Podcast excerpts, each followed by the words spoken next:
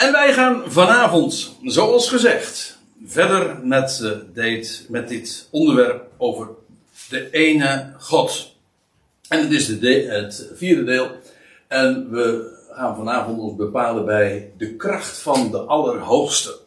En u bent het inmiddels voor mij gewend, tenminste als u tot dusver uh, enigszins de studies hebt bijgehouden, uh, dat ik altijd even terugblik. En dat lijkt mij in dit geval ook verstandig omdat we, ja, sowieso heeft er al een maand tussen gelegen wat we, dat we hier bij elkaar waren. En bovendien, eh, zodat we nog eventjes helder voor de geest krijgen waar we het ook alweer over hadden. Nou, het onderwerp is dus het feit dat er één God is, namelijk de Vader.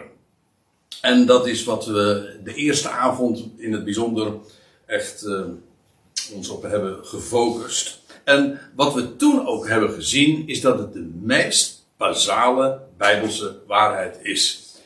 En dat is niet omdat dat onze keuze is, maar de schrift zelf houdt dat bij herhaling ons voor. Dat er geen waarheid is die zo elementair, zo bazaal, zo fundamenteel is als de waarheid dat er één God is.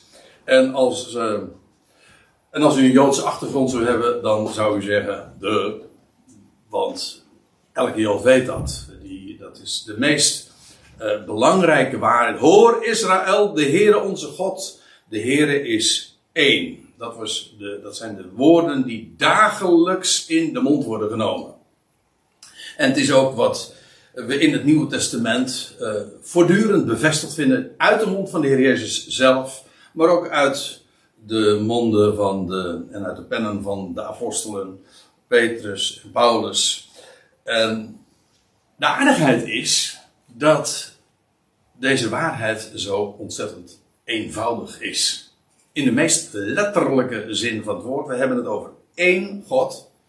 En ik weet het, uh, u en ik, wellicht, ik weet niet of ik voor iedereen spreek, maar voor de meesten wellicht, uh, is dit onderwerp juist omgeven door enorm veel mysterie, of zal ik zeggen mist uh, veel wazigheid. Dat wordt ook zo gezegd. Op het moment dat je het hebt over het onderwerp van de ene God, dan zal vanuit de christelijke orthodoxe traditie gezegd worden van ja, dat is uh, niet voor ons uh, mensen te begrijpen. dat komt omdat men niet zozeer gelooft in één God. In feite gelooft men, men zegt dat wel, men zegt we zijn monotheïsten, maar als je doorvraagt, dan blijkt dus dat men het heeft over één wezen, maar die bestaat uit drie personen. Dus er zijn drie personen die elk kunnen zeggen: Ik ben God. Eh, maar in hoeverre is dat nog monotheïstisch? Want de Bijbel spreekt nu juist over één God, de Vader. En dat kan een klein kind begrijpen. Er is niets moeilijks aan. Integendeel, het is zo simpel, zo eenvoudig. Maar u weet het, hè? En uh, dat wat, uh, wat God zo presenteert, uh, op het moment dat dat in mensenhanden komt, of door mensen moet worden uitgelegd. Maar dat is juist het mooie. Iets wat simpel is, hoeft niet te worden uitgelegd. Ja, moet worden doorgegeven, moet worden geleerd. Maar op het moment dat daar dan allerlei elementen, gedachten, concepten bij komen, ja, dan wordt het met recht vertroebeld.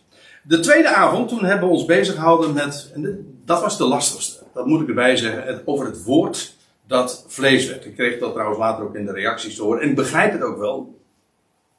En uh, dat, uh, dat kan verklaard worden uit de aard van het onderwerp. Het kan ook natuurlijk te maken hebben met het feit dat ik het gewoon niet al te goed heb doorgegeven. Dat laat ik geheel aan de luisteraar natuurlijk. Maar dat ging over het woord dat vlees werd. Johannes 1.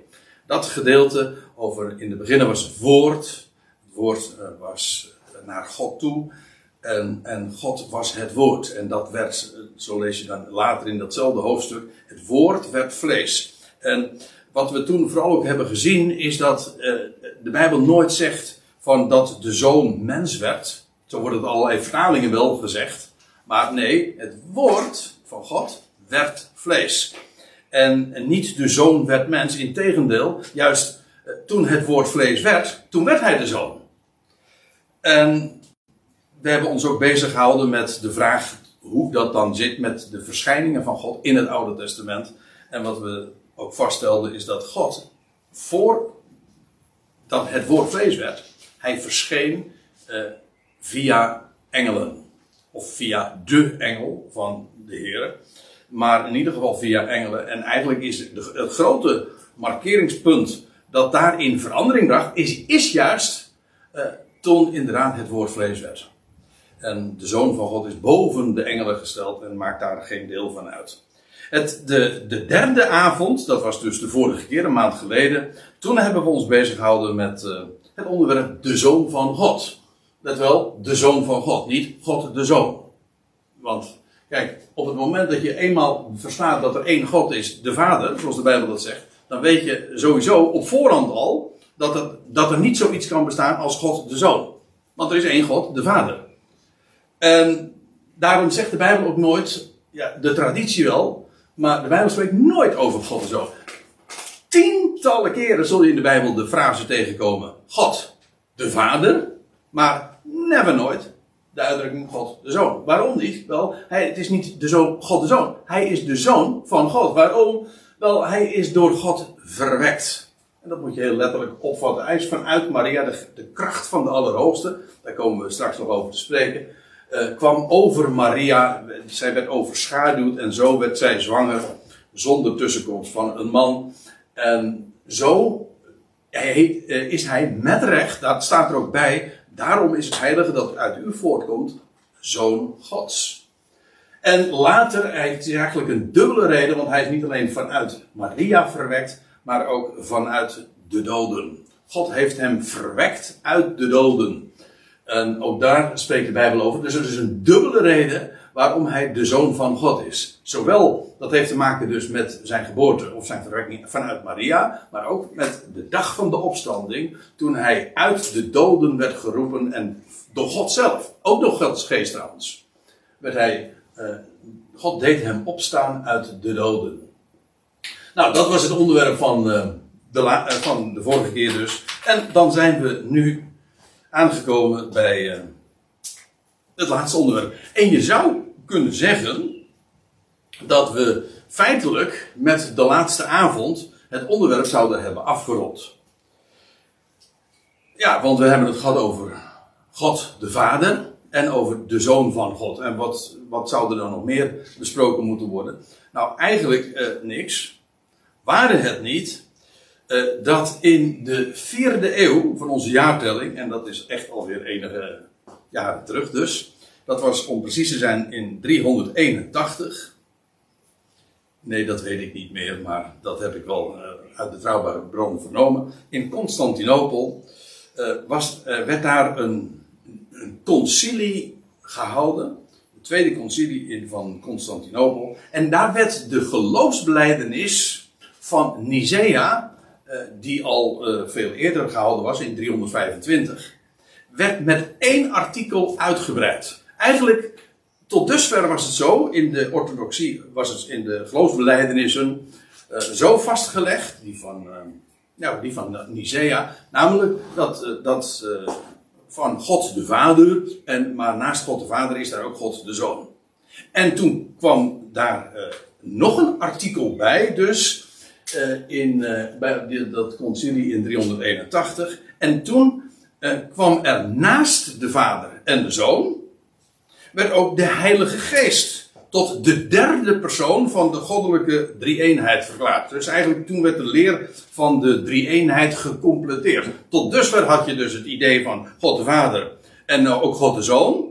Dat in feite al, sorry dat ik het zeg, maar uh, ja, ik, kan het, ik kan het ook niet anders, uh, kan er niks anders van maken. Als de Bijbel zegt er is één God de Vader en men maakt er ook van, ja, maar hij is niet alleen, is niet alleen God de Vader, maar ook er is nog een tweede persoon, namelijk God de Zoon. En toen uh, in 381. Toen kwam daar officieel nog een artikel bij en die verklaarde ook de Heilige Geest tot de derde persoon van de goddelijke drie-eenheid. Ja, moet je realiseren, al die termen, uh, dat zijn uh, ongetwijfeld zeer filosofisch. nou ja, het sluit, sluit, sluit, aan bij de filosofie in die dagen, bij taalgebruik en de, de begrippen die men hanteerde. Maar al die begrippen kwamen gewoon totaal niet uit de Bijbel. Dat geldt van het woord drie eenheid en één wezen en drie personen. Het staat allemaal niet in de Bijbel. maar het is, uh, oké, je kan zeggen door eerbiedwaardige mensen uh, bedacht, maar dan toch bedacht. Het staat niet in de schrift en dat is geen beschuldiging, dat is gewoon een vaststelling. Pak een concordantie en dan zul je het vanzelf zien. En dat te bedenken dat het gaat over het, het onderwerp zelf, is het meest basale wat er bestaat. En dat men dan artikelen, zeg maar, formuleert. En uiteindelijk daar in 381 uh, heeft men die leer, zeg maar, gecompleteerd.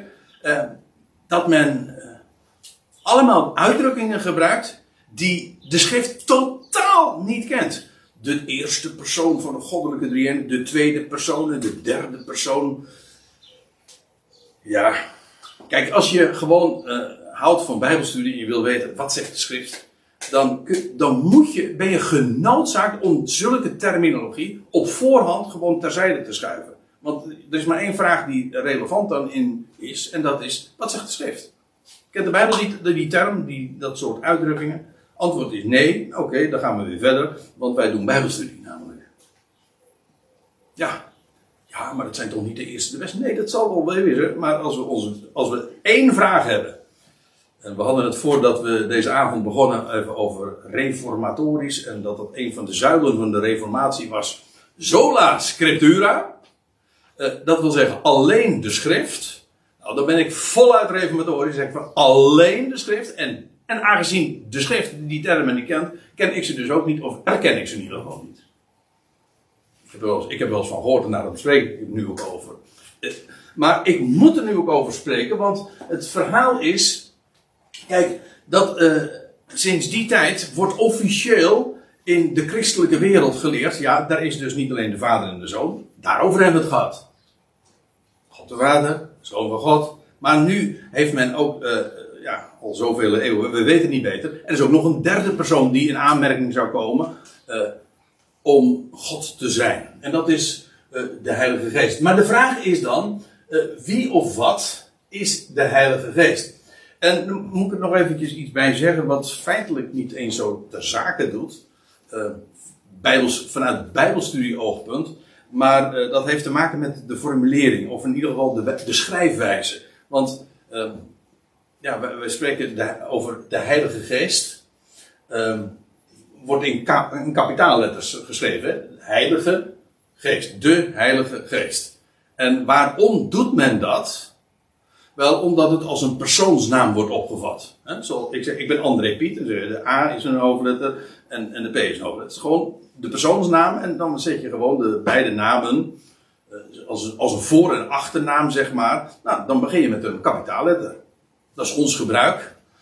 En dat is ook de reden waarom in feite deze schrijfwijze verraadt de gedachte dat men denkt aan een aparte persoon, aan een derde persoon in de Godheid. En ja, u zal ook straks zien, ik ga daar niet in mee. Kijk, de vraag is natuurlijk altijd van, moet je geest, of dat geldt trouwens ook voor de zoon, moet je dat met een hoofdletter schrijven? Ja, in, vanuit bijbelstudie oogpunt uh, is het gewoon zo, de schrift kent domweg het verschil niet tussen kleine en hoofdletters. Dat verschil maken wij. En met, uh, ja, er zijn bepaalde taalkundige regels voor waar, wanneer je hoofdletters gebruikt. En voor God is het nogal voor de hand liggend. Maar hoe zit dat dan uh, met andere namen, of met andere. Ja, dat is wat arbitrair. Daar, daar, kun je geen, bijbels gezien, geen, geen regels voor, voor bedenken. Als je, ik weet niet of je wel eens een keertje Griekse manuscript hebt gezien van, van het Nieuwe Testament. Dan zie je allemaal kapitaalletters. Het, het, ons Griekse, ons Nieuwe Testament, zoals Paulus en zo de, de geschriften schreef, dat waren allemaal hoofdletters dus. Later werd het Grieks, kreeg je de kleine letters. De, maar uh, van origine waren dat dus allemaal hoofdletters. Het Hebreeuws is in feite hetzelfde fe, uh, fenomeen. Dus ja, dat hele verschil uh, doet eigenlijk niet ter zake. Maar ik verklaar alleen even waarom men dus Heilige Geest uh, in beide gevallen dan met een hoofdletter schrijft. Waarom zou dat nou weer zo zijn? Als je het hebt over, als je het hebt over uh, u zou op moeten schrijven de Heilige God, dan zou, u, dan zou u alleen het woord God met een hoofdletter schrijven. Niet waar? Maar op het moment dat het gaat over de Heilige Geest, schrijven we heilig ook met een hoofdletter. En de reden daarvoor is dus omdat men denkt dat het een persoonsnaam betreft. Dus dat eventjes uh, ter toelichting. Dus dan zie je zelfs de schrijfwijze verraadt al een theologie. Een, hele, een heel concept dat men daarover heeft. Goed. Um, ja, ik heb een heel aantal punten. Ik geloof een stuk of acht, negen. Die ik zo eens naar voren wil brengen. In het eerste, uh, nou, eigenlijk het tweede punt, want dit was inleiding. Uh, God is geest. En voor de Bijbelvaste onder die weten dat ik eh, nu citeer uit. Nou, laat ik het eens, uh, laat ik het eens vragen. Waar staat dat? Wat denkt u? Wie hem aanbidden moet, moet hem aanbidden met geest en. Helemaal goed. Johannes 4 staat dat. Dat gesprek dat de Heer Jezus heeft met de Samaritaanse vrouw. En dan komt die tekst voorbij. In, uh, in Johannes 4, vers 24. Daar staat: God is geest. En wie hem aanbidden, moeten hem aanbidden in geest en waarheid. En nou ja, dus ja, je hebt het over, is de geest God? Nou, de Bijbel zegt, God is geest. En, moet ik trouwens, er zit nog iets, een taalkundig ding uh, aan vast. Ja, daar is uh, niet aan te ontkomen. Maar kijk, geest, is dat nou een hij, of een zij, of een het? Uh, dat is. dat hangt er nou maar helemaal van af in welke taal je het benadert. Want in het Grieks is het woordje, zoals je dat hier ook ziet, uh, pneuma. Je herkent het nog enigszins. Dit is dus een P, een P dus pneuma. Oké. Dat is het Griekse woord voor geest. En in het Grieks is pneuma een onzijdig woord. En dus eigenlijk zou je het moeten weergeven met het. Uh, in het Hebreeuws is het woord voor geest ruach. En daar is het woord weer vrouwelijk. Dat is heel uh, aardig, uh, frappant. Dat de eerste keer ook dat het gebruikt wordt. In Genesis 1, vers 2, dan staat er ook: En de geest Gods, ruach, Elohim, zweefde over de wateren. Maar er zijn vertalingen die dat weergeven met broeide. nee, bro, niet broeide, broeden. Eh, dus wat een, eh, een, vogel doet over de eieren. En, eh, en omdat datzelfde woord daar in dat verband ook gebezigd wordt. Dat is ook een vrouwelijke activiteit. maar goed, daar kom je er trouwens niet mee hoor. Want om het op die manier te zeggen, want er zijn natuurlijk vrouwelijke eigenschappen aan, aan, de ruach, aan de pneuma toe te schrijven. Dat geldt ook voor, voor allerlei andere onderwerpen. Maar dat, taalkundig uh, is dat niet beslissend. Trouwens, in het Grieks, of in het Latijn, is het spiritus. En daar is het weer mannelijk. Dus ja, zoek het maar uit. Is het nou mannelijk, is het onzijdig of is het vrouwelijk? Dat hangt er vanaf in welke taal. In onze taal is het trouwens, ehm, is het ook mannelijk, de geest. Ehm, ja, in feite heeft het zulke begrippen, of iets mannelijk of vrouwelijk is, ik wil er nu, nu, niet te diep op ingaan, maar dat in, in de taalkunde eh, is het vooral een relatief gegeven. En dat is, het mannelijke staat voor het, het gevende en het actieve. En het vrouwelijke daarentegen voor het ontvangende en het passieve. Dat is de, de, de gangbare gedachte. En of iets mannelijk of vrouwelijk is, ja, dat hangt af van de relatie waarin het staat. Ik, ik vind een aardig voorbeeld daarvan de maan. Is de maan vrouwelijk? Nou, de meeste mensen zullen zeggen ja. Uh, want aan de maan worden vrouwelijke eigenschappen toegekend, al was het maar vanwege die cyclus. Hm? Maar uh, ja, de maan ten opzichte van de aarde is mannelijk, want ze geeft licht. Maar ten opzichte van de zon is de maan vrouwelijk, want ze ontvangt het licht. En ze geeft het licht aan de, aan de, aarde door. En is de aarde uh, vrouwelijk? Ja, dat, hangt, dat is ook weer heel relatief. Dat hangt er vanaf wat de, de aarde geeft, maar ontvangt ook. Wij spreken ook over moeder aarde. Dus ja, de, dat, dat, is, uh, dat is complex. Het is namelijk heel relatief in welk opzicht je het bekijkt. Dus uh, ik, ik zeg dit er eventjes bij, omdat sommige mensen zeggen, ja, geest is eigenlijk gewoon een het. Uh, is onzijdig. Ja, dat kun je zo zeggen. Uh, maar dat hangt er dus helemaal vanaf in welke taal je het, vanuit welke taal je het benadert.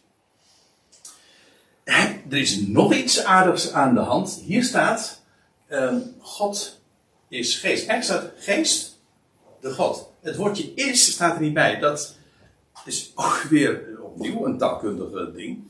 Uh, want normaal gesproken staat in het Grieks het woordje ontbreekt, het woordje, uh, het werkwoord zijn. Is, ben, nou ja, elke vervoeging daarvan. Dus als ik mij voorstel in het Grieks, wat ik liever niet doe. ik, ik vind, nou ja, zoals ik het nu doorgeef, vind ik al, dat is ongeveer de top van van mijn kunnen, zeg maar. Maar uh, dan zou je dus zeggen van ik, André Piet. In Nederlands zeggen we, in de meeste talen trouwens, de, onze verwante talen zeggen van ik ben André Piet. Maar in het Grieks zeggen, zeggen het, het werkwoord zijn, of ik, uh, is of zijn, dat wordt niet weergegeven. Het wordt slechts in een, ja, in een bijzonder aantal gevallen wordt dat wel gebezigd, het Griekse woord, het Griekse woord voor zijn. En dat is wanneer het iets illustratief is. Bijvoorbeeld, God is licht. Dat, dat woordje is geeft aan van het representeert.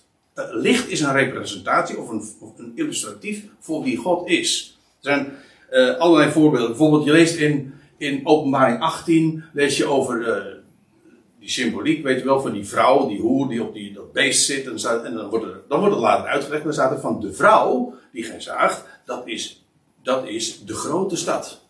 Dus heb je het, aan de ene kant een beeld, de vrouw.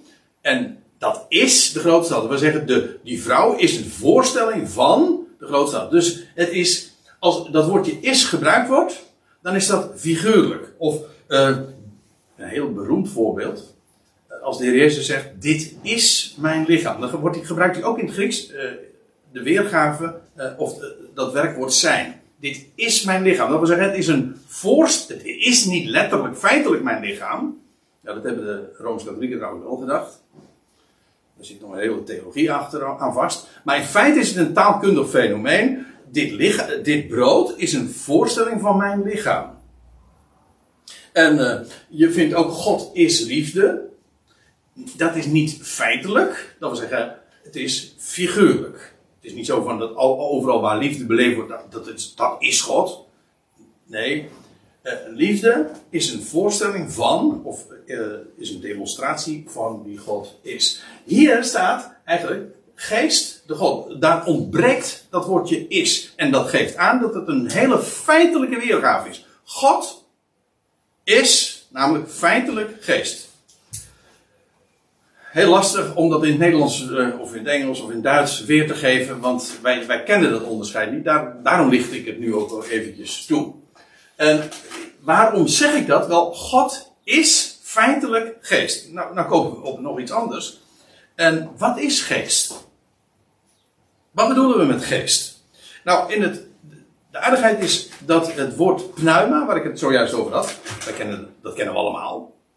Nou ja, wat heet? Uh, zelfs in onze taal zijn er heel veel begrippen die uh, beginnen met pneuma, of heel veel is overdreven, maar aardig wat woorden. Uh, je hebt pneumatische instrumenten, die werken dan met kracht en met lucht. En, ehm, maar het Hebreeuwse woord voor geest, waar ik het zojuist over had, dat is ruach. En letterlijk betekent dat in beweging gebrachte lucht. Lucht die dus niet stilstaat, maar beweegt. Dat is dat is pneuma en dat is ruach. En vandaar dat het eigenlijk staat voor twee dingen. Of voor de wind, dat is in beweging gebrachte lucht.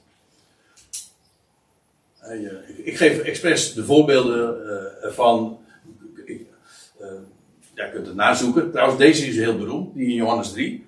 dan zegt de Heer Jezus, dat is in het gesprek met Nicodemus net over Johannes 4, dat gesprek met de Samaritaanse vrouw. Maar in het gesprek met Nicodemus, dan zegt hij, uh, uh, heeft hij het over geboren worden uit, uit geest. En dan zegt hij, de, de geest of de wind, je hoort zijn geluid, maar je ziet hem niet. Je ziet wel de effecten en je hoort het ook. maar je ziet het niet. En wel, dat is inderdaad pneuma. Het woord voor pneuma en wind is dus in het Grieks identiek. Of ze zijn synoniem. Nee, identiek zijn ze. En dan komt er nog iets voor in aanmerking, want dat wat ik zojuist over wind zei, als aanduiding dus van wat wij, uh, uh, ja gewoon uh, de wind als, als, als weerkundig fenomeen, heb je ook de adem, en, maar ook dat is lucht die in beweging gebracht is. En daar, daar, ik geef allerlei voorbeelden hier in Exo, vanuit Exodus, maar ook vanuit het Nieuwe Testament. Dus hier is het Hebreeuws, Ruach, en hier is het Pneuma. En de Paulus zegt in Handelingen 17, staat me zo voor de geest, dat, hij, dat God aan allen leven en adem en alles geeft. En dan staat er ook het woordje pneuma, adem. Dat is, dat is pneuma. Ja, dat is dus uh, zowel wind als adem, maar dat het, het, idee, het basale gedachte is, het is in beweging gebrachte lucht. En ja, het zal je gedacht zijn, je zou dat echt eens op een rijtje moeten zetten, dat ga ik nu ook even kort doen, wat geest is. In feite is het woord geest een, een containerbegrip. Dat wil zeggen, het is een, een, een begrip waar allerlei eh, gedachten en woorden en begrippen in, uh, in, in geplaatst kunnen worden. En die allemaal geest genoemd worden. In feite zegt het niet zozeer iets over wat het is, als wel over ons handicap. Namelijk, een kenmerk van geest is dat, je, dat wij het niet kunnen zien. Dat is geest. En dus zegt het in feite niet over wat het wel is. Je zegt eigenlijk alleen van we kunnen het niet. Wij kunnen het niet zien. Dus een negatieve karakterisering. En ga maar na. Nou ja, ik noemde al wind en adem. Waarvan je de effecten welke ziet. En je merkt ook heel gauw genoeg uh, wanneer het er niet is. Hè? Als je geen adem hebt. Uh, en wind soms ook als je aan het zeilen bent. En uh, bij allerlei andere gelegenheden. Maar je kunt het niet zien. Um, een engel heet ook bij gelegenheid een geest. Denk bijvoorbeeld aan de zeven geesten gods die voor de troon zijn. En dan gaat het over inderdaad zeven engelen. Die later in het boek Openbaring trouwens ook uh, uh, de schalen dan leeggieten, et cetera. Maar in ieder geval, dat zijn geesten. Ja, waarom? Een engel, als we het hebben over een hemelse boodschapper, ja, dat zijn wezens die wij doorgaans niet kunnen zien. De Bijbel spreekt ook over de een geest van een demon. Ja, een, een demonische geest. Ook dat, ook da de uitwerking daarvan kun je bepaald wel zien. Maar de demon zelf, die laat wel van zich horen. Dat is trouwens ook heel aardig van het geest. Je kunt het dikwijls wel horen. Niet per definitie, maar wel heel dikwijls. Maar in ieder geval niet zien. Um, het is ook synoniem voor leven. Heel dikwijls in de Bijbel zelfs. Geest is dan gewoon een ander woord voor leven. En ja, het meest duidelijk voorbeeld daarvan is wanneer wij spreken over de geest krijgen. Maar vooral als we het hebben over de geest geven. Als je geboren wordt, krijg je de geest. Dan begin je namelijk te ademen. En op het moment dat je de laatste adem uitblaast, dan geef je de geest. Ook uh, in verband met de Jezus lees je dat in Johannes 19. Hij gaf de geest. Ja, hij blies de laatste adem uit. Maar in dat geval is geest gewoon leven. Een ander woord. Als je de geest ontvangt, krijg je leven. En omgekeerd, als je de geest geeft, dan sterf je dus. Een geest kan ook een invloed zijn of een kracht. Ziet u trouwens dat in deze hele lijst, die ik tot dusver nou presenteer, het zijn allemaal dingen, zaken, begrippen, die je inderdaad niet kunt zien. Leven kun je niet zien. U zegt, ja, ik zie een heleboel mensen leven. Jawel, maar leven zelf, het principe, het, het levens, uh, hoe zeg je dat? De levenskracht, of uh, ik weet even niet zo gauw het, een beter woord. Dat zie je niet. En, maar ook een invloed en een kracht. je leest wat Paulus spreekt over de toon van geest en kracht. er zijn heel wat voorbeelden hoor, die in die sfeer over over, over geest spreken. Maar het kan ook een leer zijn zelfs. Beproef de geesten, of toets de geesten, of zij uit God zijn. En dan gaat het inderdaad over onderwijs, over leren, over beweringen. Een bewering aan zich, ja, die, laat, die hoor je, die verneem je, maar kun je niet zien. Uh, maar het is inderdaad uh, wel degelijk ook een geest. Het is ook een sfeer, hè, zoals wij spreken over de tijdgeest. Paulus spreekt over de geest van deze wereld. En dan hebben we het over de sfeer, de hele invloedssfeer uh, van, de, van de wereld. De geest van het zoonschap tegenover de geest van het slavernij. Dan hebben we het over een, een, uh, ja, een invloed of over een sfeer. Nou ja, uh, ik ben in mijn lijstje niet compleet, maar ik denk wel dat ik de belangrijkste voorbeelden geef. Ik, wat ik gewoon hiermee wil zeggen is: geest staat voor alles wat we niet kunnen zien. Goed. Dan gaan we naar de, het derde punt. Ja, wat is geest? Nou, in ieder geval ook de kracht van de Allerhoogste. Ik, eh, ik gaf het zojuist al eventjes aan. Uh, in, uh, ik citeerde zojuist al even. Eigenlijk het heel apart. Het zou me niet verbazen dat, dat in alle drie voorgaande avonden dit vers is genoemd. Uh, uit Lucas 1. Ja, omdat dat met, in verband met dit onderwerp nu eenmaal heel elementair is. Dan staat er in, uh, in dat vers, uh, u weet het, de engel kwam tot de boodschapper, de geest, hè?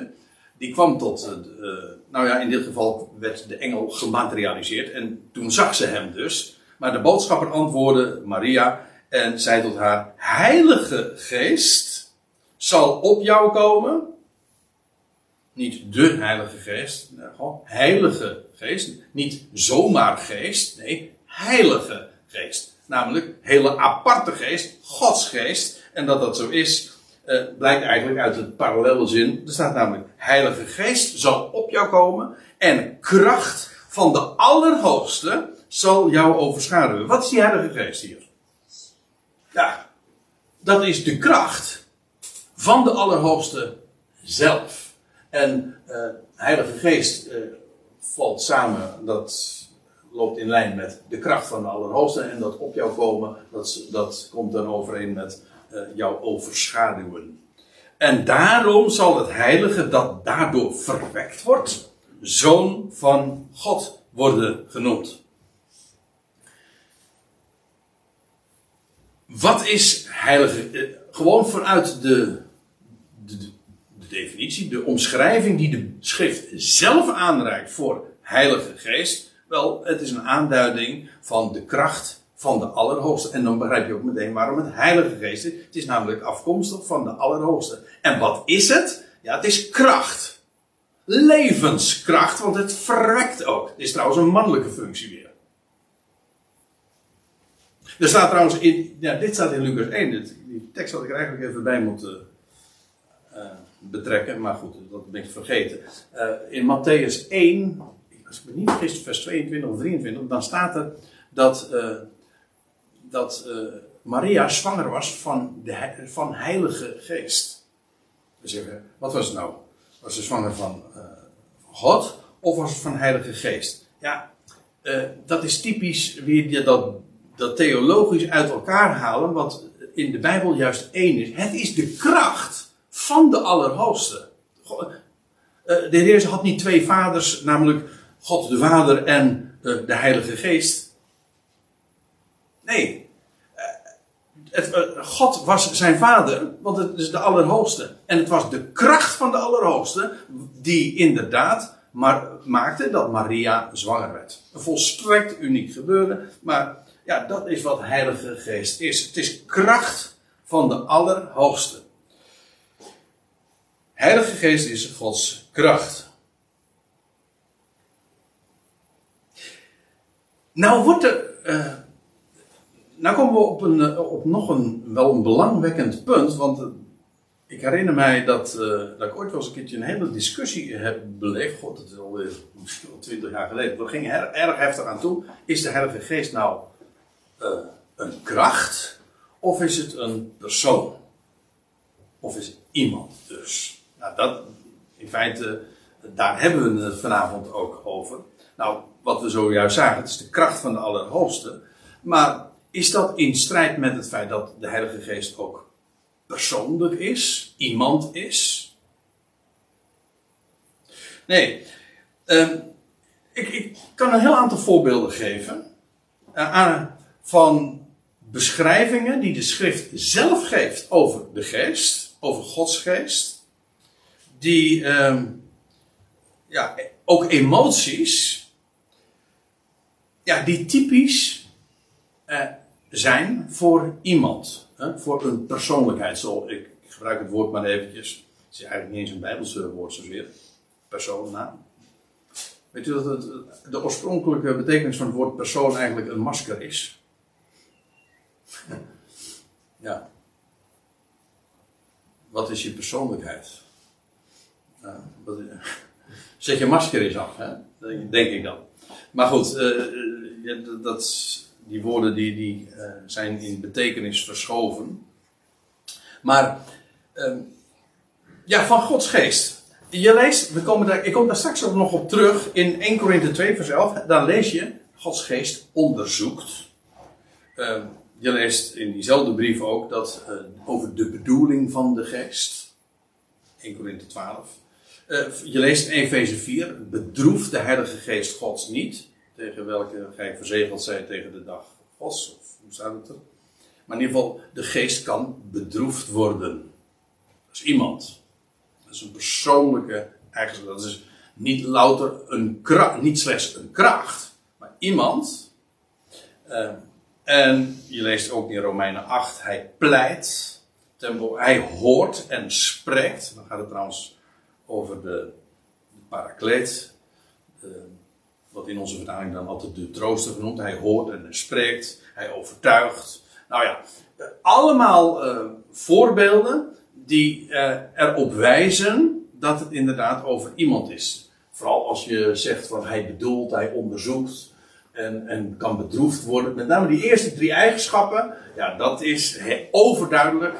Dat, dan heb je het over iemand.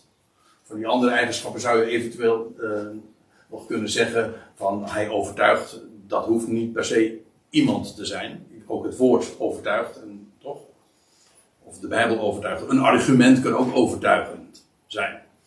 Maar uh, een aantal van deze, in deze lijst, die, daarvan kun je zonder meer zeggen, inderdaad, dat zijn persoonlijke eigenschappen. Maar, nou komt het hele belangwekkende punt. Als we hebben vastgesteld dat de geest van God, de Heilige Geest, de kracht, de kracht is van de Allerhoogste, maar wel degelijk ook persoonlijke eigenschappen heeft en nu komen we op een heel kritisch punt, want wat heeft men daaruit geconcludeerd? Toen in de vierde eeuw, in 381, weet u wel, waar ik het zojuist over had. Dat het een persoon is naast God. Een derde persoon. En die conclusie is absoluut onbijbels. Dat zegt, staat ook nergens in de schrift. De kracht van de Allerhoogste is inderdaad zijn persoonlijke kracht maar niet een, uh, een, een persoon naast de Allerhoogste. Ik zal daar een heel vrij voorbeeld van geven. In 1 Korinthe 2. Daar lees je in vers 10 dit. En ik ga midden, ja, het is midden in het, uh, in betoog dat de apostel houdt. En dan zegt hij, maar aan ons onthult God het door de geest. En dan gaat het over de wijsheid de, ook trouwens over de verborgenheid die Paulus nog bekend maakte. En dan staat er, maar aan ons onthult God het. Namelijk, hoe doet hij dat? Door de geest. En die geest, ja, dat is kracht Gods, maar die, en die doet ook van zich horen. Is er wordt altijd, dit is, uh, is ook een hele kwestie, uh, die ik nu even te sprake breng, maar men spreekt dan over geest en woord. Woord en geest. Maar als je eenmaal begrijpt wat geest is, namelijk dat geest staat voor dat wat je wel uh, eventueel kunt horen, maar niet kunt zien, dan begrijp je ook dat woord ook geest is. wat, wat u nu bijvoorbeeld uit mijn mond hoort. Oké, dat is in mijn geest ontstaan. Ik vertel het. Ik spreek daarover. Dat hoort u nu. Kunt u het zien? Nee, maar u hoort het wel. Dit is geest. Dat is ook een leer, dat is een onderwijs. Wat er, en dat, en dat, komt, eh, ja, dat komt via mijn mond en uw oor. En als het goed is, uh, u dat. En, dan komt het, en als dat inderdaad goed gefilterd is, dan komt het in het hart. Zo, dat is de wijze waarop dat werkt. Maar uh, die geest, uh, ja, die onthult dingen. En Paulus tekende dat op. Dat is allemaal geest. Want de ge en er staat het, de geest doorzoekt alle dingen. Heb je het weer waar ik het zojuist over had? De geest doorzoekt alle dingen. Ook de diepten van God. Dus Paulus, wat Paulus zegt, wat ik bekend maak. Ja, dat is onthulling van Gods wegen. Hij zegt, maar dat is geest. Het komt van God regelrecht, eh, van God zelf vandaan. Het is de kracht van de Allerhoogste, maar ook zijn wijsheid. En rechtstreeks van God afkomst. En die geest doorzoekt alle dingen, ook de diepten van God. Eh, dus de geest is niet slechts dus een kracht en het, eh, een medium waardoor het doorgegeven wordt, maar die geest is ook onderzoekend. Wat trouwens ook niet zo gek is, want uh, vergelijk het maar ook met de mens. Geest is adem. Dat is, dit is pneuma. Maar dat wat er in mij werkt, daar kun je allerlei kritiek op hebben. Zeg van dat, maar oké, dat ook intelligentie, het onderzoekend vermogen van een mens, ook dat, is, ook dat valt onder het kopje pneuma. Wij zeggen van ja, dat is, dat is iets heel anders. Ja, maar, en wat is dan de overeenkomst? Nou, in beide gevallen, het is, dat zijn de aspecten van een mens die je niet kunt zien. Dat is geest. Maar geldt trouwens voor God ook.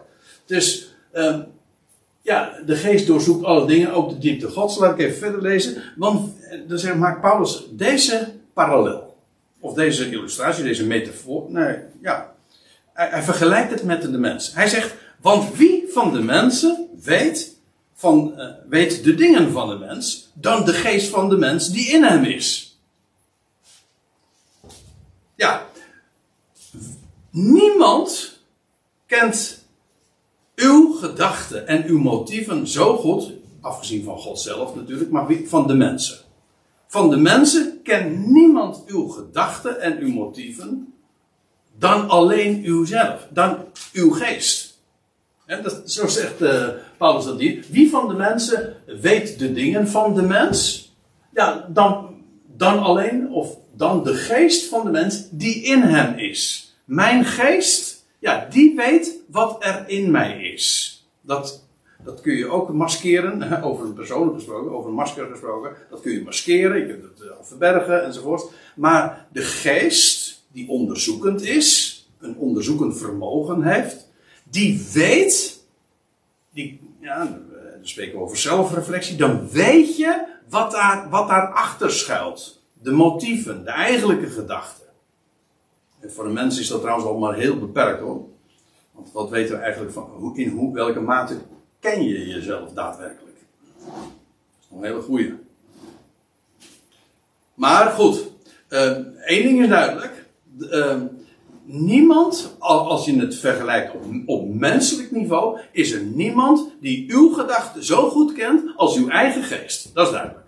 Dat is wat Paulus hier ook zegt. En let op wat de, de vergelijking die hij dan vervolgens afmaakt in vers 12. Nee, eh, in de, in de rest van vers 11. Zo heeft ook niemand. Dus nou, hij maakt de, eerst spreekt hij over de geest die de, geest van de mens, die de mens zelf goed kent, als geen ander mens. Wel, zo heeft ook niemand de dingen van God gekend dan de geest van God. Maar nu komen we op een heel belangrijk punt. Want dit vertelt ons dus ook iets heel elementairs over die geest van God. Ik vind het persoonlijk, als je eenmaal weet er is één God, de Vader, en nou ja, wat we in deze avonden hebben besproken. Ik vind het niet eens zo uh, heel uh, schokkend. Want ik, ik, laat ik het zo zeggen, als je eenmaal op die lijn zit van de simpele Bijbelse waarheid van de ene God, is dit zo voor de hand liggen. Eigenlijk, wat ik vanavond toelicht, had niet nodig geweest als we niet opgezadeld waren geweest met al het gedachtegoed dat in 381 toen officieel in de kerkelijke concilies is vastgelegd. Dan had het namelijk vanzelfsprekend geweest. Dan, had je geweten, dan hadden we geweten van ja, de geest van God. Dan hadden we niet gedacht aan een aparte persoonlijkheid, aan een derde persoon. Hadden we gewoon gedacht aan de, kracht van de Allerhoogste. Een persoonlijke kracht, maar het is zijn kracht. Niet een aparte persoonlijkheid. Net zoals dat met mijn geest ook het geval is. Mijn geest onderzoekt zichzelf. En heeft dat vermogen ook. En kan spreken over zichzelf. Ja, wie? En Paulus zegt, zo is het met God ook. De geest, niemand kent God zozeer als de geest van God. Maar als mijn geest niet een persoonlijkheid is naast mijzelf, wat voor schizofrene gedachten ontstaan op, dat, op het moment dat je dat zeg maar gaat, uh, gaat, uh, gaat doorredeneren. Als je, dan, dan, ga je, dan, ga je eigenlijk zeggen dat je uit verschillende persoonlijkheden bestaat. Dat is dwaas toch? Nee, die, de geest, mijn geest, dat is niet een persoonlijkheid naast mij. Dat is mijn, ja, dat is mijn, mijn geest, ja. En uh, dus zeker geen derde persoon in de Godheid. Dat is een conclusie die totaal niet gestaafd wordt door de, schrift. Dus één God, de Vader, en hij heeft een zoon, de zoon van God, en hij heeft ook de, zijn kracht, zijn geest, dat is de kracht van de Allerhoogste.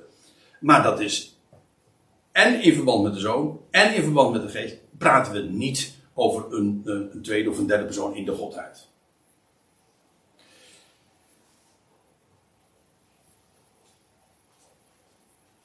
Nou, ik wil nog één punt uh, voor de pauze er uh, nog bespreken. En dat is de uitdrukking. De geest van Christus. En dan neem ik u mee naar Romeinen 8. Dat is heel uh, interessant zoals dat. zoals Paulus dat. allerlei termen in dat verband bezigt. Hij zegt, maar jullie.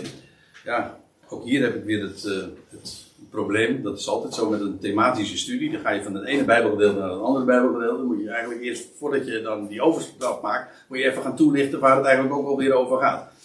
Uh, het meeste skip ik nu, gewoon voor het gemak en voor de tijd.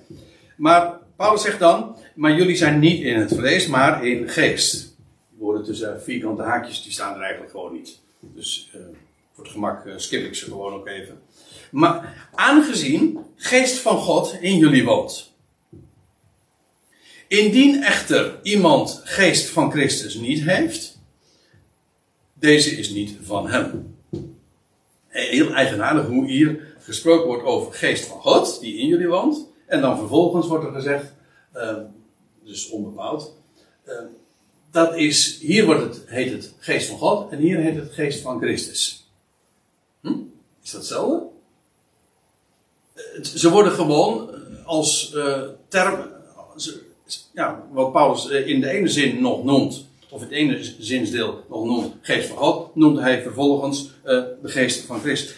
Wat niet vreemd is. Geest is, heeft te maken inderdaad met kracht, maar de kracht van God, ja, dat is ook de kracht die Christus uit de doden opwekte. Hou me even vast, want we ik, ik zal straks ook echt laten zien dat dat zo is. Het wordt nog opvallender, want hier was het nog geest van God die in u woont, die in jullie woont, geest van Christus. En hier staat het dan vervolgens in vers 10, maar indien Christus in jullie is, hm? hey, geest van God in ons.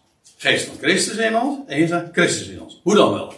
Ja, Christus, kijk, Christus is, dat is trouwens ook Romeinen 8, hè? hij is de gestorvene, wat meer is de opgewekte, die thans ter rechterhand Gods is. Daar is hij boven. Dus lichamelijk is hij daar. Ja, maar in zijn zijn geest, namelijk zijn woord, zijn kracht, heeft hij achtergelaten. Is dat zijn kracht en zijn woord? Jazeker, het is ook de kracht en het woord van God. Dat is, zie je, hoe iets de geest van Christus net zo goed ook de geest van God kan zijn. Indien Christus in jullie is, dan is inderdaad het lichaam een dode vanwege de zonde. Ehm, ja, hier inderdaad. Christus in jullie is. Hoewel, nou, door zijn geest, namelijk zijn woord dat in ons woont. Dat is allemaal identiek. Het is niet zo van, ja, oh, eh, de geest van God woont in mij, de geest van Christus woont in mij, zijn woord woont in mij. En eh, alsof, daar dan, alsof, of alsof je iedere keer een plus uh, tekentje erbij moet zetten. Van, dus dat het allemaal verschillende entiteiten of zoiets, of personen of zo. Nee, dat is helemaal niet de gedachte. Geest is kracht van Hem, van Christus. En ook zijn woord. Dat, is allemaal uh, in feite uh, synoniemen, uh, aanduidingen van diezelfde werkzaamheid van God. Maar zegt hij, dat, dan is het lichaam een dode vanwege zonde, maar geest is leven. Hé, hey, die, maar die zagen we al. Geest is leven. Vanwege rechtvaardigheid. Namelijk opstandingsleven. En nou komt die, uh, wat ik, waar ik zojuist al even op doelde, toen ik zei van, die moet u even vasthouden. Dan staat er, indien echter de geest van hem, die Jezus uit de doden opwekte, wat heel erg lastig is trouwens in de, als ik dan toch nog eventjes een aanwijzing, uh, mag hinten naar die leer van de drie Kijk, als Jezus nou God was, dan krijg je dus de gedachte, ik weet het, als je het aan de, aan de theologen vraagt, zeggen dan mag je verder niet over praten, want het is een mysterie. Dan denk ik altijd, dan gaan er bij mij allemaal rode lampjes branden en, en belletjes rinkelen, want dan denk ik van, aha, dit is, uh, hier heeft men geen antwoord op. Men loopt spaak. Als Jezus God was, stierf toen hij stierf, hoe was dat dan die dagen dat hij dood was? Was God toen dood? En nog een vraag. Uh, hoe stond hij op? Nou, dan, ik weet er, er is zo'n lied dat zegt hij stond op uit eigen kracht. Nou, vergeet het maar. Het is de geest van hem die Jezus uit de doden opwekte. God wekte hem door zijn geest, zijn kracht, hem op uit de doden. Wat ook weer aan een bewijs is van het feit dat hij de zoon van God is. Hij was echt dood. Niet bij wijze van spreken. Hij was echt dood. En als God hem niet uit de doden had opgewekt, dan had hij nog dood geweest. Indien echter de geest van hem, die Jezus uit de doden opwekt, in jullie woont, diezelfde geest die dus ooit God uit de doden, die woont nu in ons. Dezelfde kracht, diezelfde levenskracht, hetzelfde woord, waardoor hij uit de doden werd verwekt. Wel, dat is diezelfde kracht die ook in ons woont. Moet je je voorstellen trouwens. Dat als je hem mag kennen, dan woont die, datzelfde woord, diezelfde kracht, diezelfde geest, datzelfde leven, ook wat, wat hem uit de doden deed opstaan, woont in mij. Dan moet je, dan denk je, ik, volgens mij, denk je daar altijd te gering over. Wat een powerman. Dat in ons woont. Uit die geest leven wij. Dat is, wij wandelen in die geest. En als je daarvan bewust bent, die enorme kracht. Ja, uh, ja, daar gaat het om. Dat je inderdaad bewust wordt van, van wat je hebt. En wie je bent. En wat, er, wat en wie er in jou woont. Je, zie je hoe je dat inderdaad zo kunt zeggen. Wat woont er in ons? Zijn kracht. Zijn woord. Wie woont er in ons? Dat is Christus. Ja, dat is God zelf. Dat zijn niet allemaal verschillende. Nee, dat is die power, die levenskracht die in ons woont. Dus ja, inderdaad, Gods geest, dat is, dat is geest van Christus en dat is Christus. De, dat, uh, dat vloeit allemaal inderdaad uit elkaar voort. Nou, ik zie dat het uh, klokslag 9 uur is. En ik, ik heb nog een paar punten die uh, na de pauze gaan eh, bespreken. En de volgende gaat worden tot wie bidden we. Maar we gaan eerst even een kopje koffie drinken. Inmiddels zijn we weer wat opgefrist. En uh, we hebben gepauzeerd. En ik stel voor dat we nog wat, wat aantekeningen zo aan het onderwerp zullen toevoegen. Eh, deze vraag is eh, min of meer eh, zijdelings eh, ten opzichte van het, het, hele thema over de geest, eh, de kracht van de Allerhoogste. En, en toch, eh, de vraag die dringt zich wel telkens, juist als we het over dit onderwerp hebben, over de ene God, dringt zich toch wel aan ons op, namelijk tot wie bidden we? Laat ik even een paar dingen daarover vaststellen. Weet u, in de Bijbel, in de Bijbel lezen we nooit dat tot de geest gebeden wordt. Ik weet het, er zijn liederen waarin de geest wordt aangesproken. Maar in de Bijbel lees ik het nooit. Daag u uit de voorbeelden van de geven waar dat wel zou staan. Maar ik heb het nooit kunnen vinden. Ik moet er trouwens ook bij zeggen, dat geldt ook voor de zoon. Ik, ook daarvan zijn heel veel voorbeelden dat men tot Jezus bidt. Maar in de Bijbel wordt, vind ik dat nooit terug. Weet je, de Bijbelse gedachte is eigenlijk universeel. Deze, we bidden tot. Eigenlijk ook weer zo logisch. Dat vind ik het mooie trouwens. Uh, als je op het Bijbelse spoor zit, dan word je daar altijd weer in bevestigd. Want waarheid bevestigt zichzelf altijd, omdat het consistent is. Het is namelijk waar. En anders moet je iedere keer, uh, dan blijkt gewoon dat het niet klopt of dat het niet samenhangend is. De, de Bijbelse gedachte is, we bidden tot, ja, tot wie anders dan tot de ene God. Namelijk tot de Vader. En dat is door de Heer Jezus Christus. Die immers ook de middelaar is van God en mensen. Dat wil zeggen, God komt tot ons door Hem. En wij gaan door hem tot God. Ook dat, dus dat voorzetsel door is dan zo logisch. Net zoals het voorzetsel tot hem, tot God naderen we, ook zo logisch is.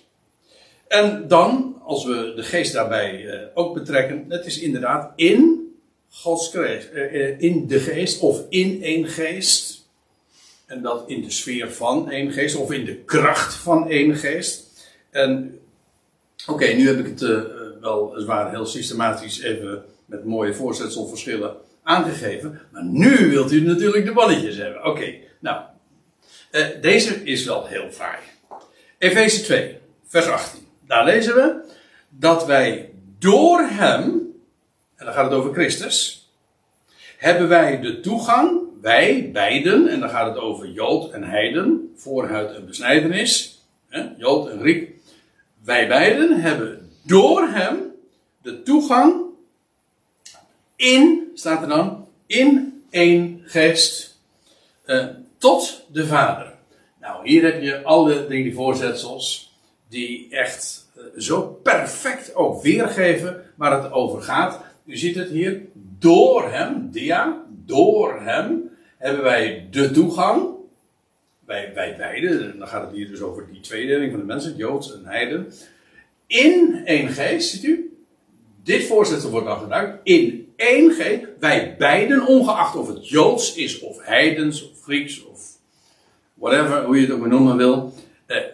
Eh, welk verschil er ook mogen zijn. Het is in één geest, in, in, in ook in het woord wat die ene geest ons heeft gegeven, maar ook daarin, daarmee ook in de kracht van die ene geest, hoezeer er ook verschillen zijn, het is in één geest dat wij de toegang hebben naar de Vader. Pros, hè? dat is naartoe de Vader. Nou, hier vind je het in eigenlijk uh, zo perfect uh, weergegeven. We bidden dus tot God. En dat we, door de Heer Jezus Christus hebben wij de toegang. Hij is de middelaar. En het is inderdaad in één geest. Met name die eerste twee elementen van, namelijk dat we tot God de Vader bidden. En dat dat dan is in de naam van of door de Heer Jezus Christus. Ik geef u een paar voorbeelden. Romein 1, vers 8. Dan zegt Paulus: In de eerste plaats dank ik mijn God door Jezus Christus over u allen. Tot wie bidt hij? Tot zijn God. Hoe doet hij dat? Wel, door Jezus Christus. Ehm, dat wil zeggen, via hem. Dat hij is de weg. Hij is de weg, de waarheid en het leven. Niemand komt tot de Vader dan door hem. Dat is de weg waardoor wij tot God naderen. Romeinen 7. Gode zij dank. Door Jezus Christus, onze Heer. Wie danken we? God. Hoe doen we dat? Door Jezus Christus. Ook hier weer hetzelfde Griekse voorzetsel. Door. Colossense 3. Al wat je doet, ongeacht of het met woord of werk is, dus sprekend of, doen, of handelend, doet het alles in de naam van des Heren. Is in de MG vertaling of de staat, nou dat ik even niet. Um, maar kijk het maar even naar welke, eh, vanuit welke vertaling ik dit citeer. Ik denk de vertaling. In de naam des Heren, Jezus, uh, God de Vader, dankende door hem. Dus eh, ook hier is het weer. Uh, we doen dat alles. We danken God. En hoe doen we dat? Wel door de Heer Jezus Christus. God, de Vader. Sorry. Ja. was ik dat? Nee, dat was ik, sorry. Oh nee, ik, ik, zat, ik zat te denken. Hoor, dat je naar de livestream of zo zat te luisteren met enige vertraging. Uh, maar goed. Ook hier dus weer door hem. Dan heb ik er nog eentje. In de Hebreeënbrief sluit ermee af. Laten wij dan door hem, over de Heer Jezus Christus, die buiten de legerplaats heeft gereden. Laten wij dan door hem, goden of aan God, voortdurend een lofoffer brengen. Aan wie brengen we de lofoffer? Aan God. Hoe doen we dat? Via welke weg? door hem. Ja, eh, het is trouwens heel uh, opvallend dat als het gaat over. Volgens mij is dat bij de eerste of de tweede keer uh, nog aan de orde geweest. Dat de Bijbel heel specifiek dat ook zo aangeeft. Hè? Alle, 1 Korinthe 8. Ja, die is zeker voorbij gekomen. Waar staat dat, dat alle dingen uit. voor ons nogthans is er één God. Ja, zo staat het. Voor ons nogthans, zegt Paulus Nee, laat ik het hele, de hele vers even citeren. Al zijn er goden in menigte en heren in menigte, en inderdaad, die zijn er in de aarde, op de aarde en in de hemel. Voor ons nogthans, zegt Paulus, is er één God, de Vader, uit wie alle dingen zijn. En wij tot hem. En één Heer, Jezus Christus, door wie alle dingen zijn. Nou, hoe, helder wil je het hebben? God, de bron, God, die ene God, de Vader, hij is de bron uit wie alle dingen zijn. En hoe komt dat? Door de Heer Jezus Christus. En het zijn die voorzetsels die karakteristiek zijn. En vooral als het gaat over de zoon, het is altijd door hem. Nou, uh, hier, uh, hier ziet u het. Uh, tot, als je dus de vraag stelt van, ja, tot wie bidden wij? Nou, logischerwijs tot de ene God. En dat doen wij inderdaad door de Heer Jezus Christus. En ongeacht trouwens of je, want dat is nog een andere vraag, doet alles in de naam van de Heer Jezus. Uh, het is vaak de gedachte dat dat een standaard formule dan is bij een gebed. dat je altijd dan zegt van in de naam van zeg uw zoon. Waar ik overigens totaal geen kritiek heb, begrijp me goed. Maar het idee is niet zozeer dat je altijd die formulering gebruikt, maar dat het altijd op gezag is van hem.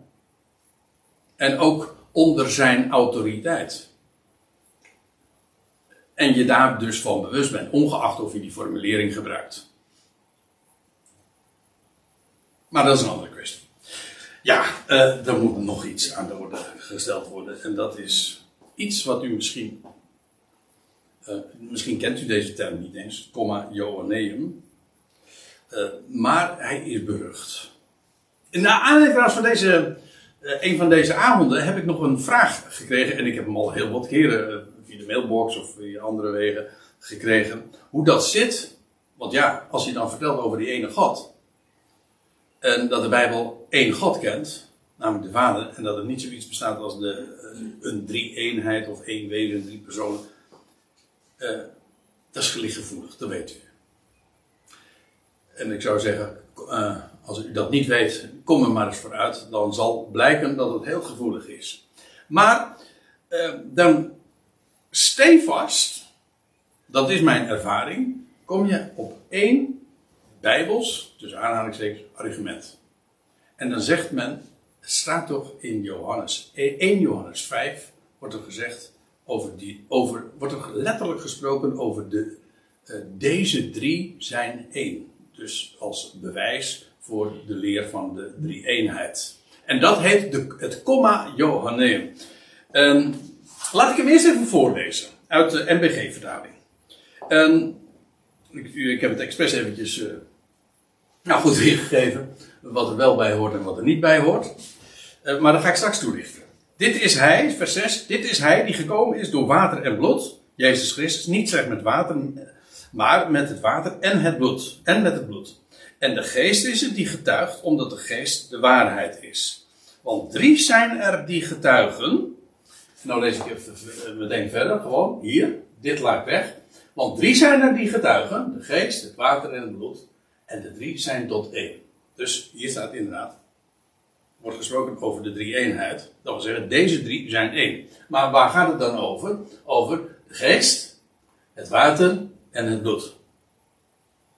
Die drie zijn één. Nou staat er in een, een aantal Bijbelvertalingen, meestal tussen, of het is weggelaten, of het staat tussen vierkante haakjes, staat deze tekst nog bij in het rood. Ik heb hem meteen doorgestreept om heel duidelijk aan te geven dat het gewoon een later toevoeging is en een verzinsel en zelfs een algemeen erkende verzinsel. Dat het uh, hardnekkig in de Bijbelvertalingen telkens toch weer binnengeslopen is, uh, dat is wel veelzeggend, maar daarover straks meer. Uh, het gaat over de, die, die, tekst dan die, door, ehm, die men eraan toegevoegd heeft. Want drie zijn er die getuigen en heeft men eraan toegevoegd in de hemel, namelijk de Vader, het Woord en de Heilige Geest. En deze drie zijn één. En drie zijn er die getuigen op de aarde en nou gaat het de geest, water en bloed. Dus het idee is dan, wat men eraan toegevoegd heeft, ja, er zijn er drie die getuigen in de hemel en er zijn er drie die getuigen op aarde. Weet u wat het is? Dikke duim. Het staat er niet. Ik zal, u, ik zal het u laten zien. Want ik moet een aantal toelichtende opmerkingen maken. De, deze rode woorden, en doorgestreepte woorden, staan bekend onder de Latijnse naam comma johanneum. Comma betekent uh, korte zin. Ja, als we een zin korter, korter maken, dan zetten we een kommaatje. Vandaar dus. Uh, en dat Johanneum verwijst uiteraard naar, uh, naar de naam van het Bijbelboek, namelijk naar Johannes. Oké. In de nieuwere Bijbelvertalingen zijn deze rode woorden, of tussen, zoals ik gezegd al even heb aangegeven, tussen vierkante haken geplaatst, waarmee men aangeeft dat uh, het niet in, de, in, het in origineel staat, of dat het zwaar omstreden is, of het wordt geheel weggelaten. In de, uh, als je een goede vertaling is, gewoon helemaal weggelaten. Uh, ik, ik, ik, heb juist, vlak, vlak voordat ik wegging, heb ik nog even gekeken, bijvoorbeeld in een hele goede vertaling, de Telos vertaling. En dan is het gewoon weggelaten met een aantekening van sommige vertalingen geven dat weer, maar dat is gewoon een late toevoeging. En zo hoort het ook. heb je meteen ook de lezer eventjes toegelicht van waarom dat er dan niet in staat. Uh, weet je hoe, het, hoe de vork aan de zegt? Deze woorden, die, uh, die rode woorden, dus die rode doorgekraste woorden, die ontbreken in alle Griekse handschriften. Er zijn, er zijn ja, er zijn vele handschriften van het Nieuwe Testament.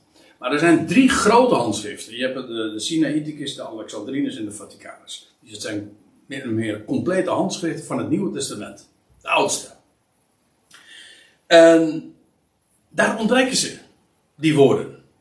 Dus niet een deel van die woorden, nee, daar staat het helemaal niet. Dus alle betrouwbare teksten, oude teksten, daar vinden we die woorden totaal niet. Het was pas in de middeleeuwen dat deze tekst in de Latijnse geschriften uh, werd gevonden. En waarschijnlijk is dat via een, ja, een of ander commentaar of de kantlijnen heeft, hebben later de uh, schrijvers, overschrijvers, hebben het tussen de tekst geplaatst. Uh, kijk, dat is pas in de middeleeuwen gebeurd. En niet dus in het originele Griekse handschriften, want u weet, het, het, ons Nieuw Testament is in het Grieks overgeleverd. Nee, in de Latijnse vertalingen pas in de middeleeuwen dat eh, dat eh, in zwang eh, geraakte. En ja, de leer van de drie-eenheid is niet gebaseerd op deze tekst, maar het is precies omgekeerd. Deze tekst sloot binnen nadat de leer van de drie-eenheid tot dogma was verklaard. Want dat is in de derde en de vierde eeuw gebeurd. Nee, in de vierde eeuw. Is officieel tot dogma verklaard de leer van de drie-eenheid. En daarna, toen eh, kwam, kwam dat stukje tekst, dat comma Johanneum, eh, kwam in de Latijnse vertaling is dat binnen gesmokkeld. Volkomen ten onrecht. Men heeft het toegevoegd. En het loutere feit ehm, dat men zich hierop beroept. Als, als bewijs van de drie-eenheid.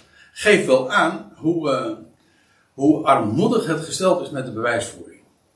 Met, eh, voor de drie-eenheid. Ik bedoel, over, dan hebben we het over het aller, aller, allerbelangrijkste Bijbelswaarde, namelijk van de ene God. En dat verminkt men. En op basis van wat dan? Wel, op basis van een tekst die zo overduidelijk veel later in, eh, via het Latijn, de kerk, dat was de taal ook van de kerk, van de, de kerk van Rome natuurlijk. De Vulgata was Ja, de- ja nou, komt, eh, ik geloof dat ik er nog een aantekening bij heb. Eh, maar, nee, in de Vulgata staat er ook niet, want eh, ja, ik heb hem hier nog. Ook de Rooms-Katholieke Kerk laat tegenwoordig in haar Latijnse Bijbelvertaling, de Vulgaat, het comma Johanneum weg. Dus zelfs in de Vulgaat erkent zelfs de Rooms-Katholieke Kerk, die toch echt wel de proponent is van de, de leer van de drie-eenheid. Ik bedoel, het is onder haar eh, vleugelen, zeg maar, ook eh, ontstaan die leer, of in ieder geval van het instituut. Maar zelfs zij laten het weg. En eh, algemeen wordt ook nu toegegeven, kijk het maar naar in in de handboeken, ongeacht welke, zelfs in al die handboeken die wel de leer van de drie-eenheid onderschrijven, en alle orthodoxe leringen doen dat, trouwens zelfs vrijzinnigen, want weet u dat zelfs de leer van de drie-eenheid, een, al heb je een wereldraad van kerken, volstrekt eh, vrijzinnig eh, bolwerk dat, dat gebaseerd is op de leer van de drie-eenheid. Dus de Bijbel heeft men aan de kant geschoven, maar die leer, die blijft overeind. Dus het is, dit is onvoorstelbaar. Maar eh, men, en dat, dat is wat, ja, wat iedereen kan controleren. Algemeen, alle handboeken geven inderdaad aan. Dit stukje tekst, dat komma aan Johanneem, is inderdaad een latere toevoeging. Dus het louter feit dat men komt met dit bewijs. Nou, dat, eh, is, dat geeft dus aan. Het heeft geen grond. Het heeft geen grond. En het lout, dat men dan eh, met zo'n argument aankomt, eh, demonstreert slechts de armoede. De- ja, de totale. Ja, het, is fantasie. Ja. Nou, dus eh, ja, ik. eh, ik ben van mening, dat moet inderdaad aangegeven worden. Als in de Statenvertaling wordt het waarschijnlijk tussen vierkante haken gezet. Als ik, ik heb het niet nagekeken, eh, dat is alweer een tijd geleden. Ik heb een vertaling waar het dus ook niet in staat. Nee, de- nee. Maar wel dat het erbij staat dat er vertalingen zijn waar het... Die het wel in hebben, juist. Ja. Ja. Nee, in de meeste tegenwoordig. Het, nee, het hoort er ook. Oh, zelfs in de Statenvertaling staat het niet eens. Dat er niet eens.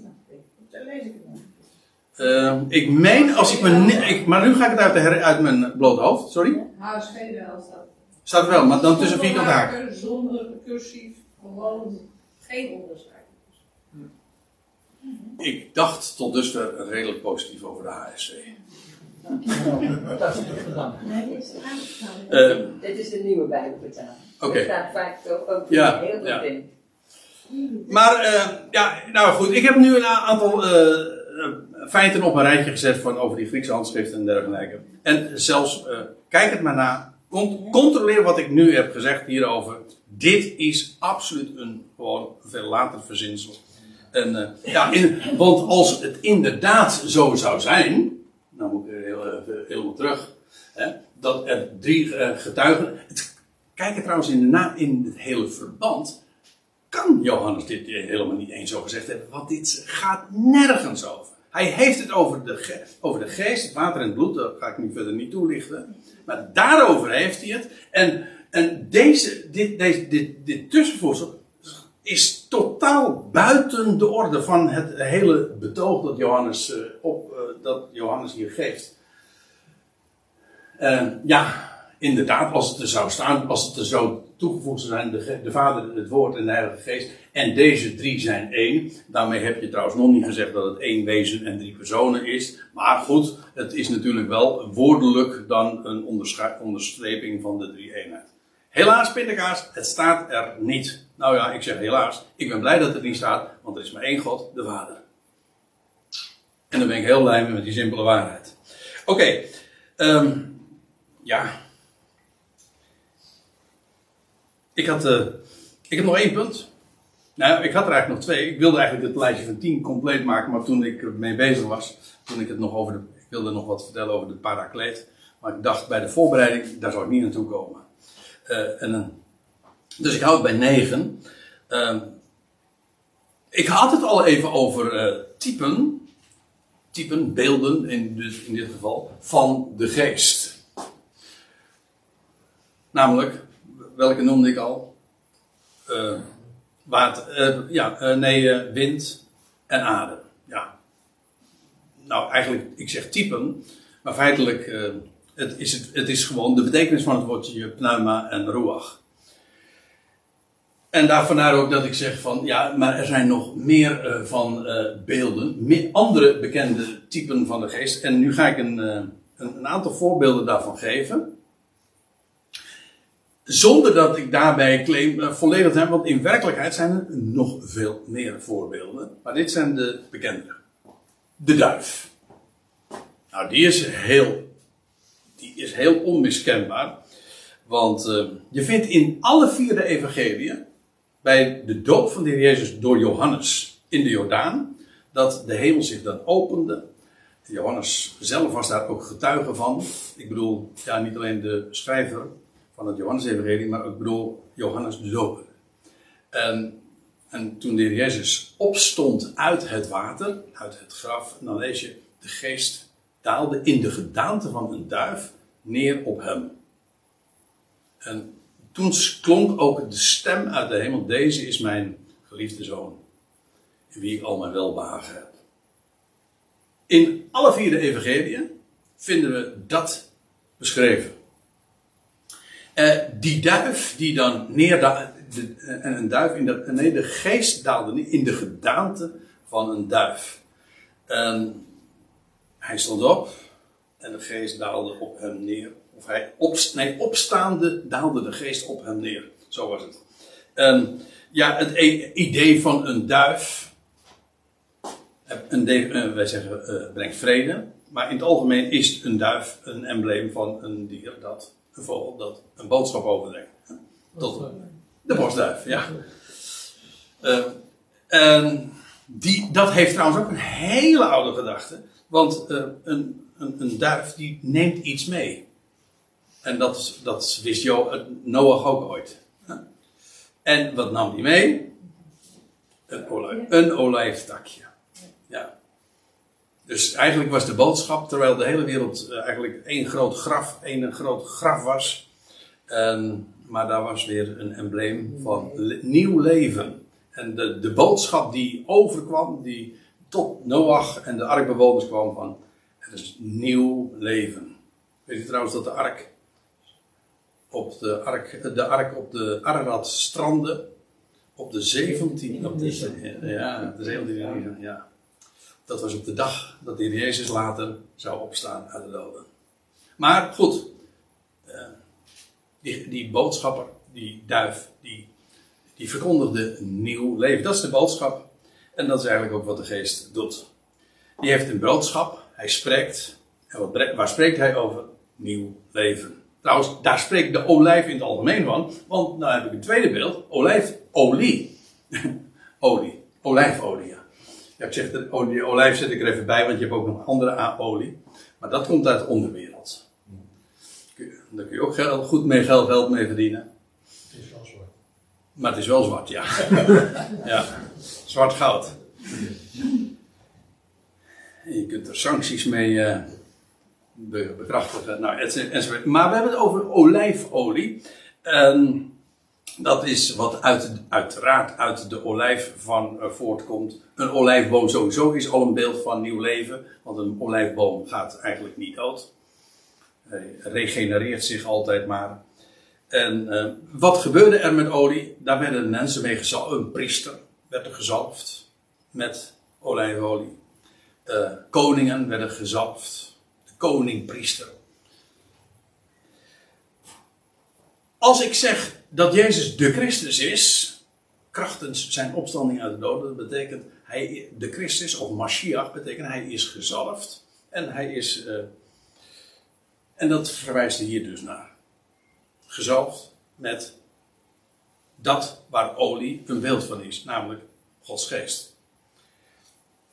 En zo is hij de Christus geworden. Hij kreeg de geest, leven, en zo stond hij op uit de doden en zo werd hij de gezalfde. De koning, de onvergankelijke koning, priester. En trouwens, eh, eh, waar het in de Bijbel olie voor gebruikt wordt, om allerlei redenen. Want we weten natuurlijk allemaal wat eh, de, de, het geweldige nut en de functie van olijfolie. Maar eh, in de Bijbel is het vooral ook, het maakt licht. Het geeft licht. Het licht dat in de heiligdom brandde, eh, dat was het licht van olijfolie. Maar de priester die in het heiligdom inging, altijd voor dat er licht was. Dan heb ik nog een type, en dat is vuur. Eigenlijk, het zijn prachtige beelden van wat geest is. Het is kracht.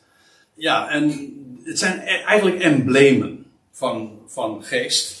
Eh, het brandt, ja, in, dit geval ook, eh, je leest in Handelingen 2, die is, lijkt, dat is de meest bekende.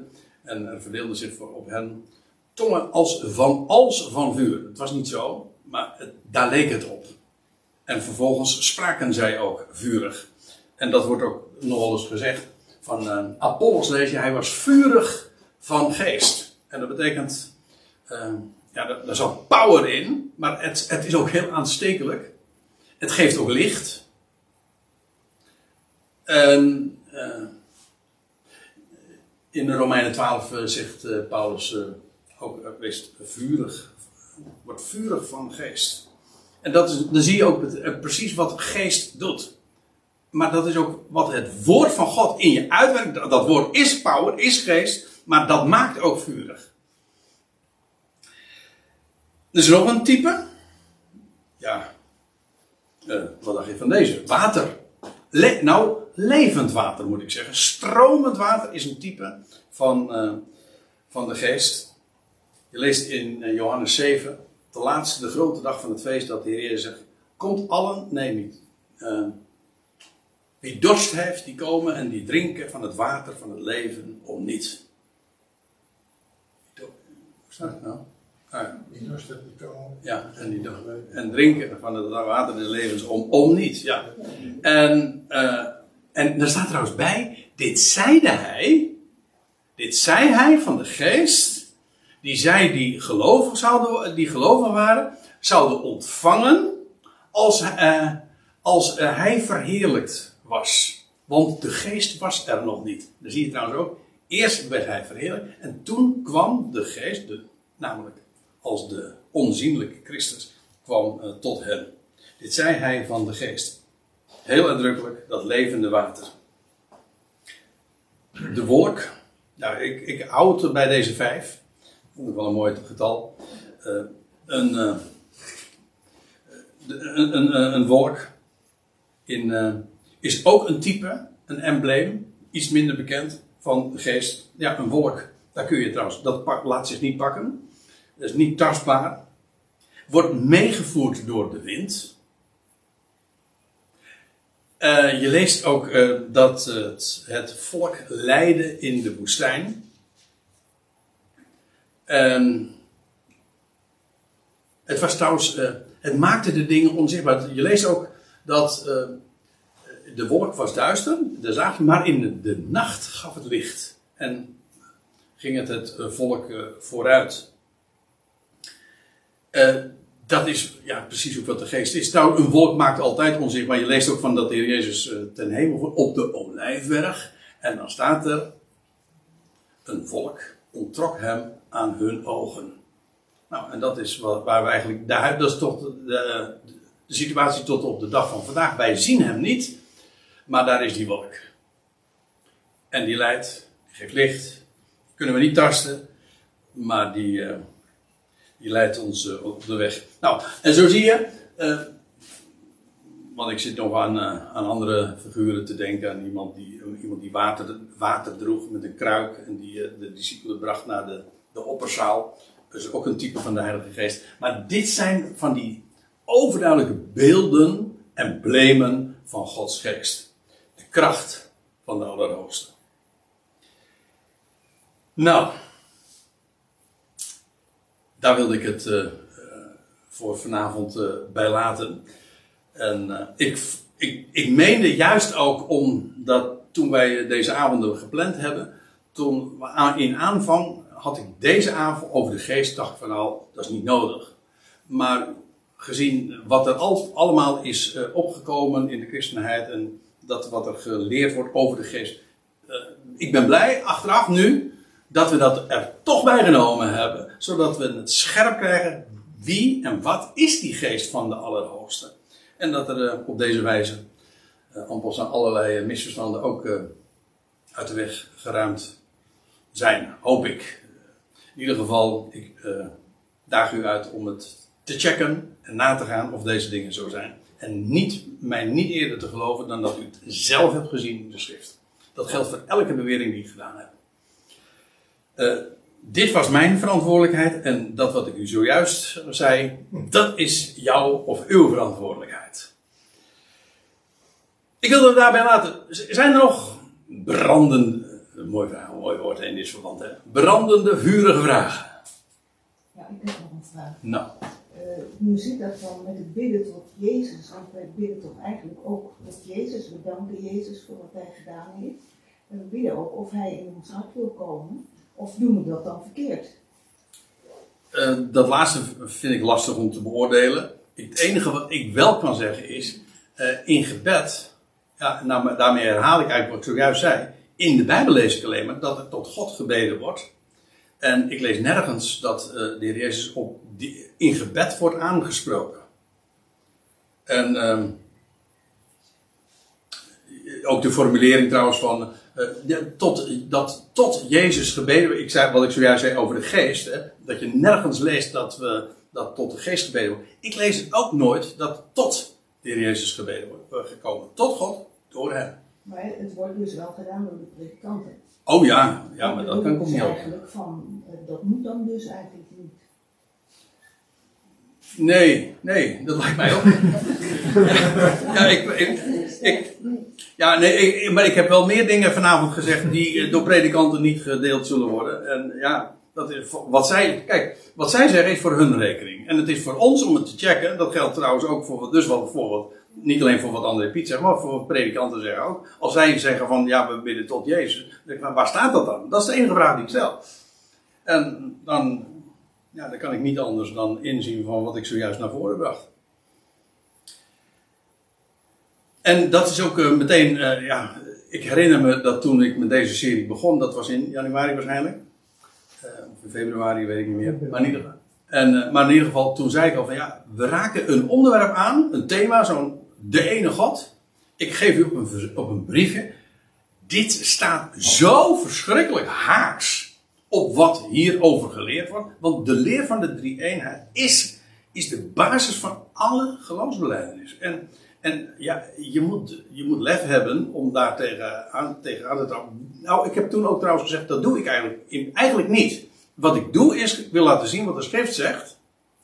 En dat dat haak staat op en strijdt met de, dat wat er gangbaar in de orthodoxie altijd over naar voren gebracht is. Ja, zo so be. Eh, Dat is nu een. Dat, dat, dat is zo. En de vraag is, waar geven we wat het zwaarste is, moet het zwaarst wegen. Nou, ja, een vraag of een opmerking.